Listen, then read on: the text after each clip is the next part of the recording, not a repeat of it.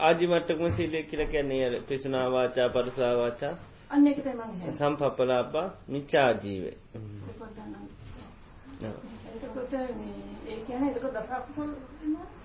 දක අකුසල් නැහැ එතනට මිච්චාජීවී තමයි තියෙන්නේ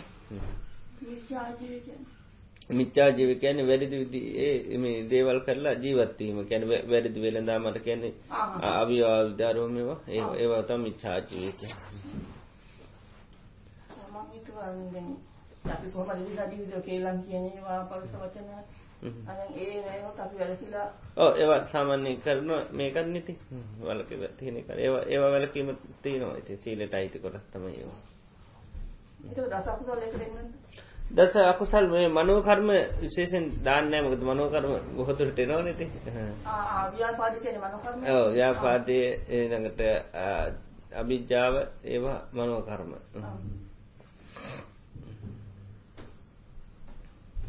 සාමාන්‍ය පංච සීලේ තමයි සීලේ හැටියට ආවර්ජනා කරන්න. ඒක තමයි නිත්‍ය රකින සීලේ ඒක නිත්‍ය සීලය කියලා කිය ආර්යකාන්ත සීලය කියලා කියන්නේ පංච සීලයට තමයි එතකොට ඒකෙන් අපිට අපිට සීලන්ත වාසය කරන්න පුළුවන්.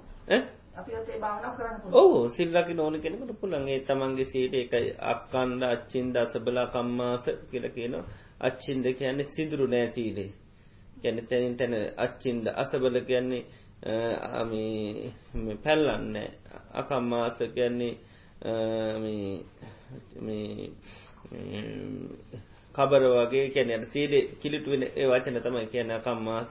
ඉනට විඤ්ඥුක් පසත්ත නුවනැති කෙනෙක් ප්‍රසංසා කරන පුළුවන් සේඩේ තියන්නුන් සීඩේ නුවනැති කෙනෙක් ප්‍රසංසා කරන විඤ්ඥුක් පසත්ත ඉළඟට අපරාමස්ට කියන්න සීඩ අල්ලගෙන තියෙන් හොඳන අපරාමට්ට කියන්නේ සීට අල්ල ගන්න හොඳ නැ. තන්නා වසයෙන් වූ මාන්න වසයෙන් හෝ දිට්ටි වසයෙන් සීලේ ඕ ඒ නිසා ඕ මාන්‍යයක් ඇති කරගන්න බෑ එක තදින් අල්ල ගන්න බෑ සීලේ නිසා කුසල් වෙන විදිහට ඒකයි සීලයට හිත බැන්නෙන් නැතුව ඒ අපරාමට සමාධ සංවත්තනක ගැන නිතරම සමාධයට උපකාර වෙන විදිහට සීලේ පාච්චි කරන්න කියන සමාරයි දැන් සීලේ දැරි ලෙස ගත්තාම නිතරමකදන සැක කරනවා සීලියත්තෙක් එතොට සමාධී ලැබෙන්නේ නැහැ. ඉති නිසා නිතරම් සමාධයට උපකාරවන විතර සීලය අරශ්ා කරන්න කියනවා. කුකුස් කරනෝකෙන කුකුස් කන්නේ නිතරම පසු තැවෙන පොඩිසි ශිෂ්ාවක් කැඩුණත් ඒකට හරියට පසු තැවෙන. පසු තැවෙන්න තැවෙන්න ඒ සීලය කොච්චර දියුණු කරත් වැඩන්න මොනහරි මොහොතක සීලයක් කැඩුණොත් එයා ඒකට හරියට කම්පාාවෙන එතේ කම්පාවීම තුළ වෙන්නේ අද සිත උද්‍යත්වයට පත්වෙනවා. එතෝටත් සිත අර සමාධී කරා යන්න නෑ. දැගොඩ දිගට සිල් ආරශ්ා කර නමුත් යම්මහොතක පොඩි පලුද්දක්කුරුත් මකද වෙන්නේ ඒකට ඕ ඒ ගැන එයට සීලි අල්ලා ගැනීම තල තමයි තුවන්නේ සමාරු අර උදහන්න කැටට ගත්තොත් කෙනෙක් එතන වස්ත්‍ර සුදු වස්ත්‍රයක් අදනවා ඒකට පැල්ලමක් ඇති වෙන්නෙම දෙන්නතු මම මේක අඳිනවා කියන දැඩි මේකකින් කරන. එතට කාල ඇතිස සමර්තය සෑහන උත්සාහ කරන මේකට කිසිම පැල්ලමන්න වෙන. යම් මොහතක පොඩි පැල්ලමක් කත්තාවත් මොක දෙන්න ඊටවස්සේ හ ඒ දැඩි ලෙස මේෝ කරන තින් ම මේකට කොමත් පැල්ලම ඇති කර ගන්නෑ ආන්න එත ඊට වස්සයා ඒකත් එක්ක අන්න හිතේ යම් ඕ වෙන කෙන පැල්ලම ඇති කරන්න යත් එක සම තමනාප වෙන්න පුළන් තමන් ඇති වුණ තමම්ම කම්පාාවෙන ම මෙච්චර කල් මේව කරගත් අරි අපරාධ්‍යයක් මට උනේ කියල. ඉති ඒ වගේ සීලියත් සමහරයට හර දැඩි ලෙස හිතන ම මේම කරන්නම නෑ කියල. එතට පොඩි වෙලාවකරි මකර උනොත් අන්නට වගේ තොට හිත කම්පනයට පත්වෙනවා. හිත කම්පනයට පත්වෙනවා. අපේ තියෙන් නොනි මං උපරම ශීලය ආරශ්ා කරන යම්ම අවස්ථාවද සමල්ලාට මේ වෙන්න පුළන් ඒවෙලාද මං ආය සීලය අධිෂ්ඨාන කරගෙන ආයේ වරද නොකරන්න අධිෂ්ඨාන කරගන්නවා කියල. අර දැඩි ලෙස ගත්තුන් මං කොහොමත් කරන්න කියල බැරිවලත් කරනොත් මක දෙන්න තොට එතෝට හිතට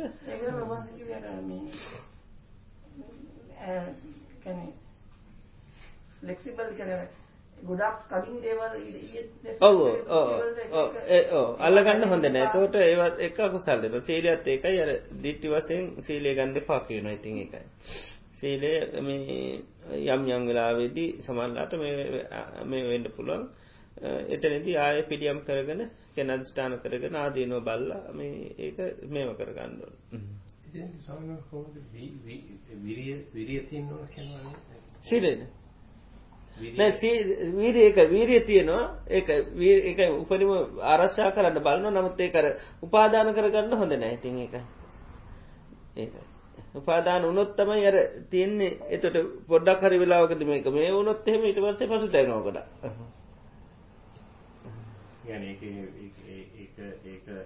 අතීතයට ගියයි කියල යුටලා ඕ එතන ඉදලා මේව කරන්න ඕනට නොයනවා කියන එක තමන් කර එක වස්ත්‍රය ගත්තත් ඒකයි කර දැඩි ලෙස යා දුමේව කරන මේකට කොහොමත් පැල්ලමක් දෙන්න තොට එහෙම උනාම මක දුන්න බැරිවිලා තුන්නොත්තේම අනුවේ වෙන ඒවගේ සීලත් එකයි සමල්ලාට සීලේ දැඩි ලෙස අල්ල ගන්න ඔය කට්ටි එතොට සීලේ පොඩ්ඩ කරමය වුණකම් එකට හිත හරි. තොට ඒයට අමතකෙන අයිමන් සිල් රකින්නේ.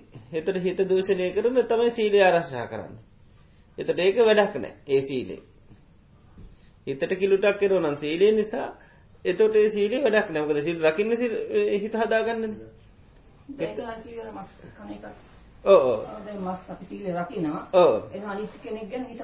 ඕ කලබල වෙන තොට වැඩන්න සීලී නිසා. සාමාන්‍ය සීලේ රැකනකට නත් එහෙම අප සිල්වත්ලා හිතන නිත සිරක්න්න මේ මිනිසු මේව කල අපාය තම යන්නගේ අපි හිතේ මේව කරන එතොට අපේ අර සීලෙන් අපට වැඩන්න හැ ආන්නේකයි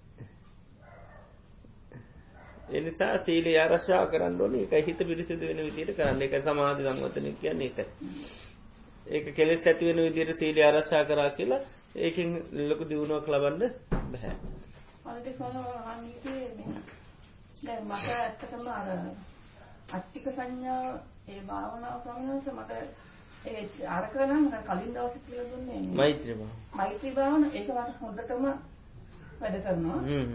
ඒ කියන්නේ එදා රෑ නිදාගන්න කනුයි පහුවෙන විතර එනනුයි දිකටම මට වැඩ කරනවා හැබැයි අට්ටික සංඥා කාමයට එන්නේ නැහැ. ඒ අලුත් එකක් නේ. කවදාකවත් නොකරපු එකක් ඒකත් එහෙම අනිත් සමහර එතන අර දැන් මනෝ සංචේත එතන කියන්නේ නාම රූප ගැන දෙයක් කියන්නේ. මොකද්ද? ශරීරේ හටගන්නේ. හේතු. නාම රූප නෙමෙයි ආහාර කියලා කියන්නේ සතරාකාර ආහාර නිසා තමයි කය පවතින්නේ. අපි අහන්නේ සතර මහා ධාතු කියලා. ඒ ධාතු කියන්නේ කයට. ඒ ධාතු පවතින්නේ ආහාර නිසා ඒක.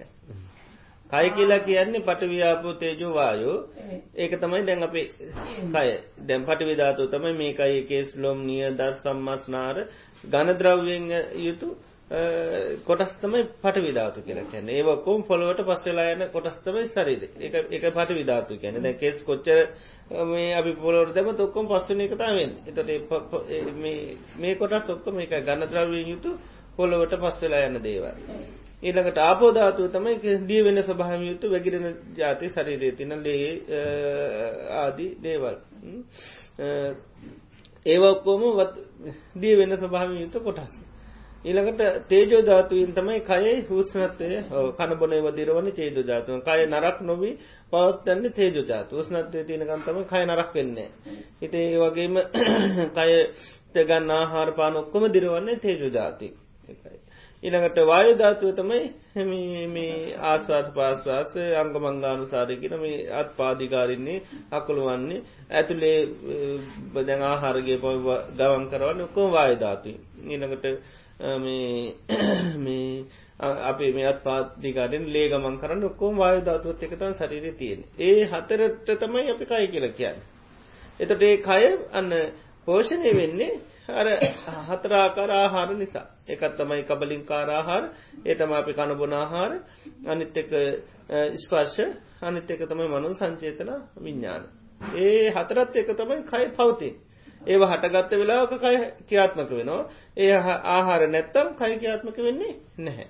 දැන් කනබන ආහාර නිසා තමයි දීර්ඝ කාලනෝ දැන් අපි කය ඉතින් පවත්තගෙන දිගින්නේ. දැන් හෙට ඉඳලා දැන් කය ආහාර නොදුන්නොත් මගේ කය කියලා පවතින්නේ අපි හිතුවට මගේ කය කියලා හිතුවට එහෙම පවතින්නේ ආහාර නැති වෙච්ච ගමන් මේකේ බලය අඩු වෙලා අඩු වෙලා යනවා. ඒකයි. ඒ නිසා අර ආහාරයන්ගේ පැවැත්ම නිසා තමයි එතකොට එක එක හේතුවක්. අනිත් එක තම ස්පර්ශය තුළ තමයි නිතරම කයට දේවල් දැනෙන් ද කය නිකන් තිබුණට දේවල් දැනෙන්නේ ස්පර්ශ වෙන්න ඕන. ස්පර්ශ වෙච්චි වෙලාවක තමයි නිතරම කයට දේවල් දැනෙන්නේ.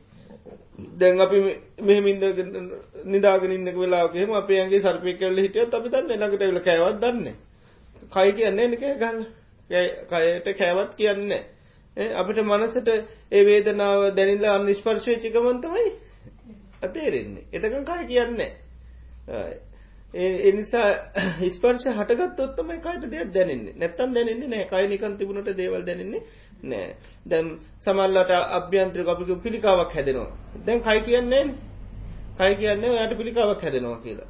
එතට අපිට කොම ස්පර්ශ වෙච්ච වෙලාගතම දැනගන්න පුළුවන්. වේදනාවක් තුළින් හරි එහම නැත්තැම් පාර්ශනයක් කරන්න ගිල් හරි ඒ දෙකින් දැනගන්නවරෙන්ට අපිට කයි අන්න යුජුවයක දැනගන්නේ නැහැ ආන්නක ඉතින් කය මගේ කියලා පිහිතුවට කයට එහෙම දැනුවත් නෑ ආන්නකයි.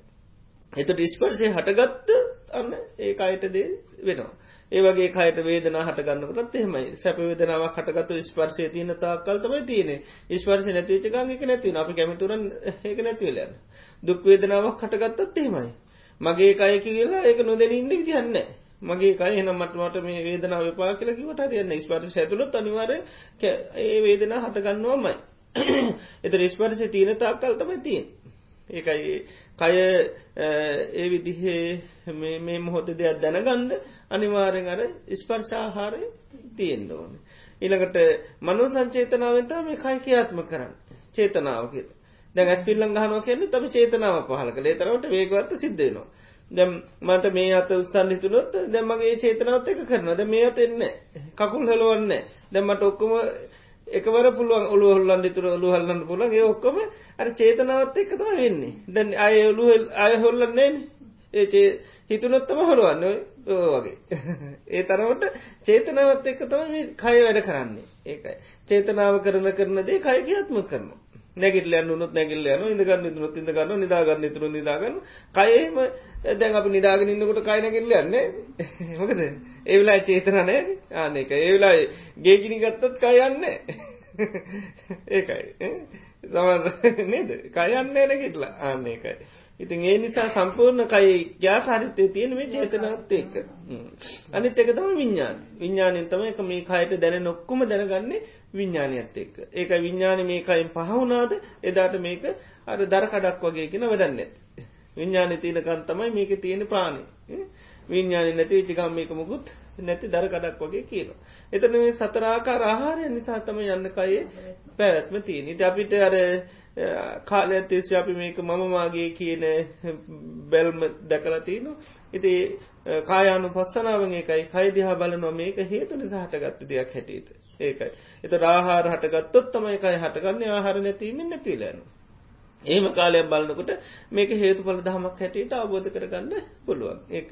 ඒ තමයි කායනු පස්සනාවෙන් කරන්න මම ඇතම කායනු පස්සනා කිය මම හලතිී කය අනුව බැලීම ඔති කයි කයනු බලන කියන එක තම ති කයමකක්ද දැම් බලන්න කයමක කෙරමගේ කියලති දැම් ඒක තමයි අපේ තියෙන සංඥයි පල්ලාස දැන් කයනු නිතරමන්න කය මගේ. එතට දැම් උදයන්නසක පුළුවන්ද තමන්ගේ නම් පාලනය කරන්න බෑනි. ආන හේතුරි සතම මේක සිද්ධ වෙන්නේ. ආනක අපේ වැරදි දැක්මක් ඒක වැදදි දර්ශනයක්. ඒ දර්ශනයට අපි අන නිවැරදි දර්ශනයක තම පසනා කියල කියන හරිට බලනවා කයිදිහා ඒකයි. එතට බලනකට පේන මේක හේතු බල දහමකට අයිත දෙයක් මිස මමමාගේ මට අයිති කියල එකක් නෑ එහම පාලනය කරන්න පුළුවන්ගේ දෙයක් නැහැ. ඒකයි. අපි සංචේතන. සංචේත ඒක එතකොට දැන් එක නමක් කියව තිබුණා පොතක මං කියුවා මම මේ අතක්වත් පොළවල නැතුව සිහියෙන් නැත්තේ සිහියෙන් මිසක අතක්වත් පොළවල නැහැ කියලා. ඔව්. ඒ මම කතාවක් අහලා තියෙනවා. ඔව්. ඒතකොට ඒකද කියන්නේ සතියද? ඒ ඒකයි ඒ කියන්නේ අර කයේ ආකාරයත්වයන් පිළිබඳ හොඳ දැනුවත් භාවය ඉන්නවා. ඒක සති සම්පජාඤ්ඤය කියලා කියනවා මේ ඔව්. ඉරියාපතේ කියලා කියන ඉරියාව පිළිබඳ හොඳ සිහියෙන් ඉන්නවා. ඒකත් කය පිළිබඳව සිහිය පිහිටුවා ගැනීම. ඒකද කායන කියනවා. ඒකත් කායන වසනාව. ගොඩත් තියෙනන කායන පස්සන එකක් ආනාපාන සතිය ඊළඟට ඉරිවෝ පැවැත්වීම ඊළඟට සති සම්පජාන්ය ඊළඟට අසුභ භාවන ඊළඟට ධාතුමනසිකාර ඊළඟට මේ නවසීවතික කියලා කය මැරුණට පස්සේ වෙන සිද්ධි. ඉස්සල්ලා මර කරන්න සත්සිහ පිට ගන්න කය තුළට. එක ඉරියාවට සිය පිට පස බලන මේ ඉරියාව ක්‍යාත්මක වෙනම කෙද එතට අන්නයා දන්න මේ චේතනාවත් එක්ක මම උසුනුව මම ගන්නවා මම කරනවා නෙවේ මේ චේතනාවත් එක්ක සිද්ධ වෙන එක අනේ චේතන හටගත්තොත්තා මේ හටගන්නේ. තොට දන්න ඒකයි සීයෙන් තොරෝගෙන එය තොට හැමලම සිහෙන් ඉන්නද යදන්න චේතනා පහලල්ලා තම මේ අත උසු ගුඩට ගන්නේ. චේතනාවක් ඇති වුණහම ආය පහලට දාන්න. තොට මේක චේතනාවත් එක්ක වෙන එකක් කියලා දකිනවා. අපි අවුව යනවා. යනකොට ප්‍රශ්නේ දැනෙනවා ඔව්. ප්‍රශ්නේ ප්‍රශ්නේ කියලා හිතුවකින් ප්‍රශ්නේ කියලා හිතුවකින් අපි ඉතින් ප්‍රශ්නේ වැඩිපුර දැනෙනවා අපිට. ඔව් ඔව් ඔව්. ප්‍රශ්නේ අමතක කරන්න උත්සාහ කරොත් ඒ ප්‍රශ්නේ අපිට එච්චර දැනෙන්නේ ඒක ඒ යට දැන් කය තිබුණට දැනෙන්නේ නැහැ කියන්නේ ඒකයි. ඒ විඥානයත් එක්කනේ විඥානයේ චේතනාවත් එක්ක තමයි ඒවා තියෙන්නේ. ඒක කොහොමද විස්තර තේරුම් ගන්න කොහොමද? තේරුම් ගන්න ඒක කියන්නේ අර දැන් මේ අපි මනස කියන්නේ ඒකයි ස්පර්ශ වුණොත් තමයි අර දැන් බාහිරව තියෙන රසණයන්නේ ඒ කයට ඒක පතිත වුණාට දැන් ස්පර්ශ වෙනවා. නමුත් විඥානයේ යෙදෙන්නේ නැත්තම් දැනෙන්නේ නැහැ. විඥානයේ යෙදෙන තරමට උනට අපි දැන් සන්බර්නින් වෙනවා නම් ඒ කියන්නේ පිච්චෙනවා නම් පිච්චෙන කොහොමද නේ. ඔව් ඒක පිච්චුණාට කයට විඥානේ වෙනත් තැනක තියෙනව නම් දැනෙන්නේ ඒකනේ මම කෙනෙක් මරුණාම හරි ඒකවල අපි වෙන ඇඟේ අමාරුවක් තියාගෙන ඉන්නකොට අපිට අතේ පය අමාරුවක් තියෙනවා. හ්ම්. ඒත් එක වෙන ආරංචියක් එනවා. ඔව්. කවුරුහරි නැති වුණා හරි වෙන ඔව්. මොකක්ද ලොකු දෙයක් කරා අපේ. තාමව අමතක වෙනවා. ඒක විඥානේ එතන නෑ ඔව් එතකොට විඥානේ අර අරමුණට ගිය ගමන් කයේ තියෙන අපහසුතාව දැනෙන්නේ නැහැ සම්පූර්ණ අර ඒකයි ස්පර්ශය හටගත්තොත් කය හට ගන්නවා කියන්නේ ඒකයි. කය තිබුණාට කය. පස්ස ස්පර්ශය ඇතුළත පමණයි කයට දෙයක් දැනෙන්නේ ඒකයි. ඒ ස්පර්ශය තුළ තියෙන්නේ කයයි පහසයි විඥානය ඒක ස්පර්ශ කියන්නේ පස්ස කියන්නේ ඒකනේ. තින්නම් සංගති පස්සෝ. තුනක එකතුවට තමයි පස්ස කියන්නේ. එතකොට කයට දෙයක් දැනෙන්නේ කය තියෙනවා. කයට මොන හරි පහසක්. අභ්‍යන්තරික පහසක් වෙන්න පුළුවන්. වාත වාතය උස්සන්න වෙලා ඒ පහසයි. ඊට පස්සේ අපේ විඥාණයට නේද දෙන්න ඕන සන්නස දැන් ඒකේ ප්‍රමාණය අපිට දැනෙන දැනෙන ප්‍රමාණය කියන්නේ ඒ නිමිත්ත අනුව තමයි ඒක වෙන්නේ. නිමිත්තයි මනස එකට යොමු කරන එකයි. නිමිත්ත බලගතු වෙන්නත් ඕනේ අපේ මනස ඒකට යෙදෙන්නත් ඕනේ. ගොඩාක් දුරට නිමිත්ත බලගතු වෙනකොට මනස එතෙන්ට යන වැඩි. දැන් සමහරලාට දැමුත් ඉන්නකොට කා- කායිකව දැන් මේ ඉරියව් තියාගෙන ඉන්නකොට පොඩි මේකක් තියෙනවා දැන් ඕක බලගතු වෙනවනේ. ඒ බලගතු වෙනකොට ඔන්න අපිට ඉන්න ඉන්න බැරි තත්ත්වයක් කියනවා. එතකොට අන්න මනස වැඩි එතකොට යෙදෙනවා ආ එතකොට මනස යනවා. අන්න ඒකයි මොකද කායම් පටිච්ච පොට්ටබ්බේත කයයි පොට්ටබ්බයන් නිසා අන්න මේ උපජ්ජිත කාය විඥාන. කාය විඥානේ හට ගන්නවා විඥානය වැඩි ප්‍රයෝජනව නෙවෙයි. විඥානය යෙදෙනවා නමුත් අපි. ඒ අර පරිමාණය අනු නිමිත්තේ පරිමාණය අනු විඥානයකට මේ වෙනවා. ඒකයි. නිමිත්ත අපි කොහොමද ග- වැඩි ප්‍රයෝගත්තු තියෙන ඔව්. ඒක වැඩි ප්‍ර දැනෙනවා දැනෙනවා වැඩි. ඒක. අල්ල ගැනීම තුලත් ඒක තියෙනවා. ඉතින් ඒකයි දැන් ඒක මං ඊයේ මර කිව්වේ සමහරලාට අපිට දැනට තියෙන රෝගය පොඩි එකක් වෙන්න පුළුවන්. නමුත් ඒක අපි බරපතල ලෙස හිතනින්ද අපිට ඒක ලොකු රෝගයක් හැටියට පේනවා. නමුත් අභ්‍යන්තරිකව තියෙන අපේ සැබෑ බරපතල රෝග වෙන එකක්. වෙන එක. නමුත් අපිට අහවල් රෝගේ තමයි මට තියෙන්නේ කීක ඒක ගැන තමයි හිත හිතින්නේ. ඒ නිසා ඒක ලොකුවට දැනෙන්න පුළුවන්. නමුත් ඒ රෝගේ නැති වෙන්නත් පුළුවන් එතකොට දැන් අරක හැබැයි ඊට වැඩිය දැන් අපිට ආරංචි වුණොත් එහෙනම් බරපතල ලෙස එතකොට අපි මේ රෝගේ කලේ ගෙලිම මනසෙන් අයින් වෙනවා. ඒකයි. රෝගේ තිබ්බට අපි හිතින් ඒක ගණන් ගන්නෑ. එතකොට අර අපි අලුතෙන් ආපු එක තමයි ගණන් ගන්න. මොකද ඒක හොඳටම දන්නවා. ඒක තමයි දරුණු එක කියලා. එතකොට කාලයක් තිස්සේ දැන් මේ ලෙඩයි ලෙඩයි කිය එක මතක නැහැ. ඒක අනිවාර්යයෙන්ම තිබුණාට ගණන් ගන්න. ඉතින් ඒකයි. ඒ ලෙඩෙත් තියෙනවා ලෙඩේ තියෙනවා ඉතින්. ලෙඩේ තිබ්බට දැන් හිතන ලෙඩේ තමයි අපිට ලෙඩේ වෙන්නේ. ඉතින් ඒක මොකද ස්පර්ශ වෙන ලෙඩේ තමයි අපිට ලෙඩ වෙන්නේ. ඒතර මනසින් නිතරම ස්පර්ශ කරන්නේ මට දැන් මේ පිළිකාවක් තියෙනවා නේ ඒක. ඒතකොට කොන්දේ අමාරු හරි වෙනම වාත වේදනාවක් තිබුණා ඒක නෑ. ඒක වේ තිබුණාට ගන්නෙ මේක තමයි නිතරම. හිතට බරක් හැටියට තියෙන ලෙඩ ඒක ඒතකොට. අරකේ වරින් වර වාතය උස්සන්න වෙලා හැදෙන්න පුළුවන් නමුත් අර මනසට තියෙන මේක තමයි ඒක. මොකද ඒක දරුණුයිනේ. ඒ මේක මං කිය නිමිත්ත බලගත්ත වෙනකොට ඒක තමයි අල්ලන්නේ නිතර. බලගත්ත නිමිත්ත නිතරම ගන්න.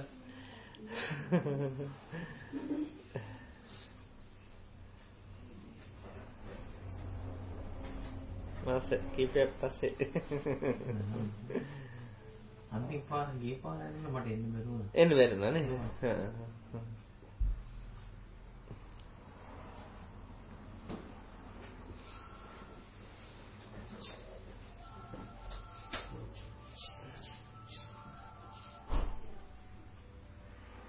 තනිකරම හේතු පල දහමන් නිසා කිය ඒක. ඒක තම අවබෝධ කර ගණ්ඩෝල් සීලුදේ හේතු නිසා.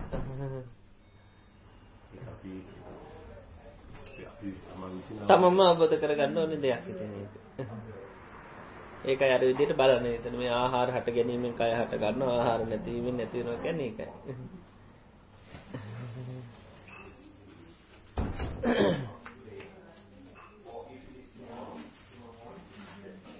බලකතු වාරයන්දනේ මනසර ලැබෙන ආහාරය මොකද විඤ්ඥාන ආහාරය හම කයට තම මේ ආහාර හතරම කයේ පැවැත්මට සතරාකාර ආහාරම උපකාර වෙනවා. ආර හතරත් තියනවා. මනසට නිතරම මේ තියෙන ඉතින් මනස හටගන්න නිතරම නාම රූප හට ගැනීමෙන් තමයි සිත හටගන්න ඕන. කයේ පැවැත්මට ආහාර හතරම උපකාරයි. අනිතේ ඔක්කෝටම මේ හතර බලපානවා කැනෙ පංචපාදානස්කන්දයට බලපාන ප්‍රධාන කය විතරක් බලනකොට කායානු පස්සනාවේ ප්‍රධාන හේතු හැටිට පෙන්න්නන්නේ කය අපිට හටගන්න ඕන හටගන්න ආහාර හටගත්තොත්තම කය කියාත්මක වෙන්නේ. කය පැවැත්ම තියන්නේ තාහාර නිසා. කයට මේ වෙලා දෙයක් දැන්නවනගේ ආහාර හටගන්න නැතන් දැනන්නේ. ප්‍රධානු ස්පර්ශ ස්පර්ශයට ගත්තොත්තම ඔන්න කයට දෙයක් දැනෙන්. ඒ ස්පර්ශය තුළති විඤ්ඥානය තියනවා. ස්පර්ශ වෙනවා ඕ ස්පර්ශ කියල කිය නිත ස්පර්ශ. කියනකොටම තියෙන කයයි පහසයි විඤ්ඥාන එකතු වෙච්චි තැනතා පස්ස කියල කියන්න. කය නිකන් තිබුණට දේවල් මොකුත් දැනෙන් නැහැ. ස්පර්ශ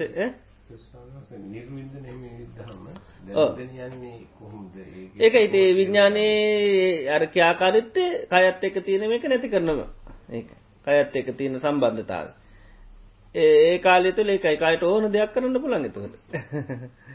ඒ බෙහෙතෙන් කරන්නේ වේතත් එක්ක කයත් එක්ක තියෙන මේ සම්බන්ධතාවේ අයි කරනවා.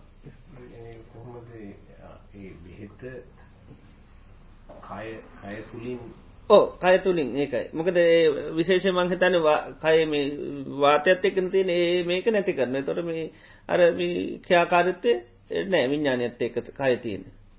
ඒත පස බ්ලොක්කුණු ගමන් මේ ඕන දෙයක් ඉතින් කයට කරන්න පුළන් සිහිනක සීහන කරතම ඔන්න වේදනා දැනීගෙන එන්නේ. විසං්ඥ කරනවා කියලා කියන්න. හෝ. ඒතට පේනවා ඉතින් කය සම්පූර්ණ මේ හේතු නිසා තියෙන එකක් කිය ඒකයි. විඤ්ඥානයක් හැමතනම එක එක විදිහට මේ කියවෙනවා නේද? නාම රූප. විඤ්ඥානය කැනෙ විඤ්ඥානය බුදුරන්න්ස කියන්න විඤ්ඥානය ගත්තා මේකයි නමුත් ගින්න වගේ කියන්න දැන් ගින්න එකයි නමුත් ගින්න නිතරම නන්තියනවා ඇවිලෙන දේත් එක්ක. දරගින්න කියයි පිදුරු ගින්න කියයි දහයගින්න කියන්න පුළුවන්. ඊළඟටකෝ දර එක එක ද්‍රව්‍යයන් එක නම් වෙනස් කරනවා. ඒවගේ තමයි විඤ්ඥානයත් හටගන්න තැන අනුව වෙනස් වෙනවා. ඇහේ හටගත්තකවන් චක්කු විඤ්ඥානය කියන කටය කනේ හටගත්තාම සෝත විඤ්ඥානය කියන නාසේ හටගත්තාම ගහන විඤ්ඥානය කියන දිවේ හටගත්තාම ගිව්හා විඤ්ඥානය කන කය හටගත්තාම කාය විඤ්ඥානය කියන මොනසේ හටගත්තාම මොනු විඤ්ඥානය කර කියන. එතවට ඒ තැන් අනුව විඤ්ඥානය නිතරම වෙනස් වෙනවා. නමුත් නිතරම නාමරූප හටගත්ත තැන තමයි විඤ්ඥානය නිතරම හටගන්නේ ඒකයි චක්කු විඤ්ඥානයකිව දැන් ඇහැ ඇහේ හටගත්තාම ඇහැට එන්න අරමුණ දැනගන්න විඤ්ඥානය. එතොට ඒ ඇහැගේත්ම කරන නිතරම අර සලායතන හටගන්න නිතර නාවරුපච්චය සලායතන නාවරුප හට ගැනීමෙන්තන් සලායතන හටගන්න. එතොට මේ විඤ්ඥානය හටගන්නෙත් නාමරු හට ගැනීම. ඔහෝ එක විඤ්ඥානේ තැන් අනුව වෙනස්සෙනවා ගින්න වගේ කියල කියන්නේ එකයි බුදුරන්න ගින්න එක ගින්න නමුත් අර ද්‍රව්‍යන් එක නම් වෙන නම වෙනස්සෙනවා. එතට පංචුපාදානස්කන්ද තම ඊළඟ ජීවිතයට යන් විඤ්ඥානයක් තනී යනවා කියලා කියන්න මොකද විඤ්ඥාන හේතු සහගතයින. ඉබේ තියෙන එකක් නෙවේ විඤ්ඥාන කියන පහන්සිල වගේ එකක් වගේ. පහන්සිල කියන අපිට දැම් පේන්න තියෙනවා. හැබැයි ඒ තියෙන්නේ පේන්න හේතු නිසා තියෙන එක පහන නිවුණොත්තේ මට කියන්න බෑන මේ මොකදුනේ කියලා. එතට වැටි තිලුව නිසාතම පහන්සිල නිතරමති විඤ්ඥානක නේ වගේ. පහන්සිල වගේ එක. එතොට ඒක නිතරම හේතු සහගත. එනිසා තනි විඤ්ඥානයක් ඊළඟ ජීවිතයට යනවා කියලා කියන්නේ නැහැ. මකද ඕ නිතරම විඤ්ඥානට්ටිති කියලගෙන විඤ්ඥානය පවතින කරුණු හතරත්නේ විඤ්ඥාන ටිතියත් එක තමයි නිතර විඤ්ඥාන තියෙන්නේ. ඒතන තමයි බුදුරන්නන්ස කියන මේ විඤ්ඥාන පවතිනේ තමයි රූපපයම් භික්ක විඤ්ඥානන් තිටමාන තිට්ටේ රූපයේ බැසගෙන රූපාරම්මන රූපය අරමුණු කර රූප පතිට්ට රූපය පිහිටාගෙන තමයි විඤ්ඥානී තියෙන්නේ ඊළකට නන්දූප සේවනංකින තන්නහාවෙන් තෙත්වෙල් තන්නාව තම උපකාර වෙන්නේ. ඉනකට වේදනා සංඥා සංකාරයේ ඒකට කියෙන විඤ්ඥානට හිති විඤ්ඥාන තියෙන. එතොට කිය බුදුරන් වන්සේ දේශනා කරනවා යමෙක් කියනවා නම් මේ රූපයෙන්තොරව වේදනාවෙන්තරෝ සංඥාවෙන්තරව සංස්කාරවලින්තොරව විඤ්ඥානී යෑමක්කෝ ඒමක්කෝ චුතවීමක්කෝ නැතිවීමක් වෙනවා කියලා නේතන්ටානන් විද්‍යතයක වෙන්න කියලා. විඤ්ඥානි චුත්ත වෙනවා විඤ්ඥානය උපදිනවා විඤ්ඥාන යනවා එහෙම කියනවන ඒක වෙන්නේ නෑ කියනවා ගන්න එක මකද මේ හතරත් එක්ක තමයි නිතර විඤ්ඥානය පැවැත්ම තියෙන්නේ. එනිසා මැරුණට පස්ස විඤ්ඥානය ගයක් කියන එක එහෙම කියන්න ඇති ඒම කියනන එක වැරදිදියට දර ධර්මය පරි කිරීමක් බුදුරන්න්සේ කාල සාති කියල බිස්සුවක් කිව විඤ්ඥානය තම බවෙන් බවට යන්න කෙ තර බුදුරන්න්ස කිව එහෙම එම කාතදමන් කියල තිනි කියලහව විඤ්ඥානය භව පටිච සමුපන්නන් විඤ්ඥාන උත්තම් භගවත. භාගිතුන් වන්ස විඤ්ඥානි කන පටි සම්පන්න ධර්මය හේතු නිසාහට දැන් පහන්සිල්ල කියන එක හේතු නිසා තියෙන එක පේන්න තිබුණට හේතු නිසා තියෙන එක නිතරම දැල්ලිලා දැල්ල පේනවා. නම දැල්ල තියෙන නිතරම අර වැටී තෙලුව නිසා. වැටි තෙලුව නැතුන පහන්සිල කියල කන්න පහන නිවනට පස අපට හන්න බෑ පහන්සිල තිබුණ මෙතරමක දුන්න උතරට ගියාද? දකුණට ගියාද? මට ගියාද? කොහෙද ගී කියලා. එහෙම කියන්න බෑ. හේතු තියන කන්තිබන හේතු නැතිීම නැතුන ඒවගේ තමයි. රහත්තුනාට පසිකනු රහතන් වන්ස විඤ්ඥානයට මොක දුන්නේ කියලා හිමහන්ඩ බෑ. මකද හේතු තියනකන් තිබුණ හේතු නැතිවෙන්න නැතිලෑන් ඒකයි නිවුණ කියලක නිබ්බාන කියන්න එක නිවුණ. ඉති පත්වර හේතු තන්නාව තන්නාව නැතිකව නිවුණ. ඒකයි නිබ්බාන කියනකට තෝරන්නේ තන්නක්කයෝ රාධ නිබ්බාන රාධ නිර්වාණය කියල කියන්නේ නිබ්බාන කියල කියන්නේ තන්නාව සේවේ තන්නක්කය කය ගැන සේවෙලා යන තන්නාව නැත තෙල් නැතිවෙලා යන්න තට පහන නිවෙනයි වගේ. තෙල් නැතිවෙතිකම් පහන නිවිලයන ඒ වගේ තන්නක්කයෝ රාධ නිබ්බාන මේ නිවන කැන තන්නාව නැතිවීම දුක්ක නිරෝධය තෝරණකොටත් ඒක හොඳට පැහැදිලියුම් පෙන්න්නනවා දුක නිරෝධ ගාමී පටිපද පටිපදන දුක්ක නිරෝධය. දැන් තත්තායේව තන්හාය තස්සාවේව කියන ඇර කියන ලද තන්හාවගේම දැකාම තන්නා බව තන්න කළ දුක්ක සමුදේ තෝරනකට කියනවන එතට නිරෝධය කියනකට කියන තස්සායේව තන්න අර කියන ලද තන්නාවගේම අසේස සේසකයන් ඉතිරි. අසේසකයන් ඉතිරි නැතුව. විරාග කියන්නේ ඇලෙන්නේ නැහැ. නිරෝධ කියන ඇල්ම කියනක නිරුද්ධ කළ දානු. චාග කියන තන්නහාව දීලදා පරිත්‍යයක් කරනවා. පටි නිස්සාග කියන වීසි කළ දාන. මුත්ති කියන්නේ තන්නාවෙන් මිදෙනවා. අනාලය කැන ආලය අතහරෙනවා. ඒක තමයි දුක්ක නිරෝධය කියන්නේ. එත තන්නාව නැති තැනම තමයි නිවන් දැක කියන්න නිර්වාණය කියන්න. එත තන්නාව තිනකන්තාත්තයි දැන් තෙල්තියන තාක් කල් තමයි අන්න වැටි මේ පහන තිීන් එතට රාතනත් ඒක විඤ්ඥානත් හිති තියෙන්නේ නන්දූපසේවනන් නිතරම තන්නහාවෙන් තෙත්තවී ඒකයි. තන්නහාවෙන් තෙත්තවී දැම් තව තැන්වල පෙනෙනවා මේ පොලෝනං මේ රූප වේදනා සංඥා සංකාර තමයි පොළොව. ඊළකට තන්නහාව තමයි වතුර. විඤ්ඥානය තමයි බීජේ විඤ්ඥානය තමයි බීජේ තොට පොලොව තෙත්තර තියනකොට බීජ වැටිචිකම් පැරෙනවා ඒවගේ තමයි මේ අපේ පැවැත්ම කියන එක නිතරම තියෙන්නේ. ද මේ වෙලා වුනත් අපිට අරමුණක් එන්න මේ ටික එකතු වෙන්න. නතර තමයි මේ අපට අරමුණක් මොනහරි දැනෙන්නේ. දැන් රූපයක් හැට දකිනවා කෙන පංචපාදානස්කන්ද ඇත්ත විතර සකක්සේලති ඒකයි. ඉතින් ඒ නිතර මේ නිසා මේ විඤ්ඥානයේ තනින් විඤ්ඥානයක් යනවා එනවා චුත වෙනවා එහෙම කියන්නේ නැනිතරම පංචුපාදානස්කන්දය එක්.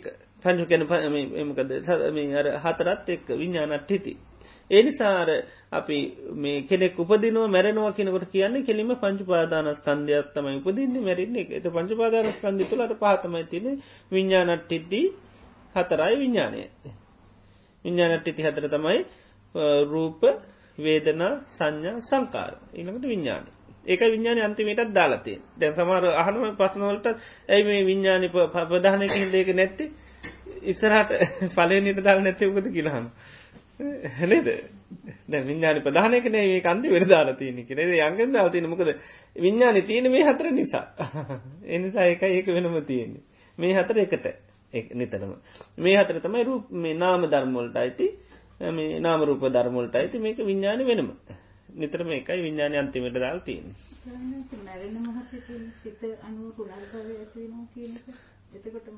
ඒ ඉතිං අර මේ දැන් අපි මැරම හොතේ ඒත් පංචපාදානස්කන්දෙත්ත මැරණ මෝතටත් අපට හටගන්න. එක හිතන් නෙවේ එතනත් තියෙන්නේ නාමරූප නිසා නාමරූප විඤ්ඥාන එකතුවත්තම අරමුණක් හැටිට තියෙන්නේ. ඉති ඒක අනුව තමයි වෙන්න. ඉතින් ගොඩක් මේ හැමෝටම වෙන එකක් නෙවේ සමාරලාට අපිකම කේන්තියක් හටගත්තයි කියලා. ඉතින් කේන්ති හටගන්න නිකන්ද? කෙනෙකුට කේන්තියක් කන්දි මෝත හටගත්ත. කේන්තියක් හටගන්න නාමරූප නිසා.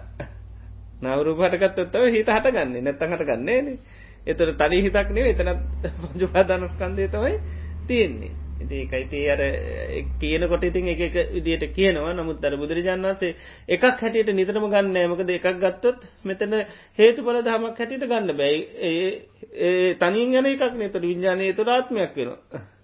බල සම්පන්න එක. එහෙම නෑ. නිතරම හේතු පල දහම හේතු පල දහමක් හැට නිතරම දකින්න ඕනේ.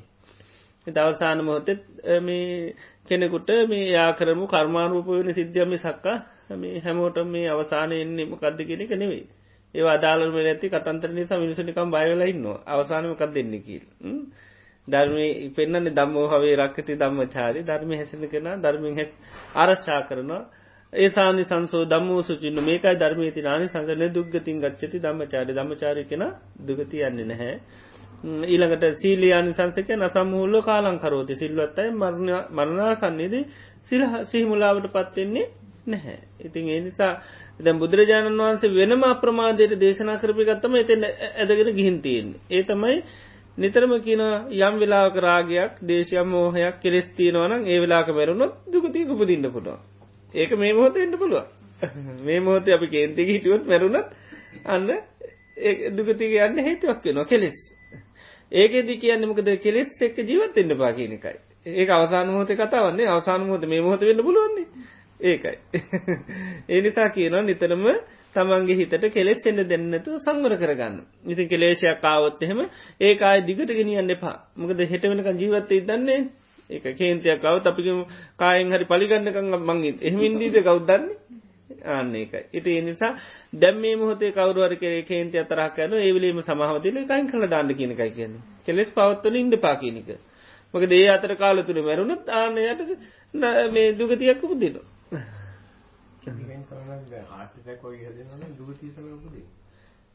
එහෙම කියන්න බැයිතින් අර පුද්ජලය නොතව යට වේදනානු පසනවල රහත්තෙන්න්න පුළන්ගි සම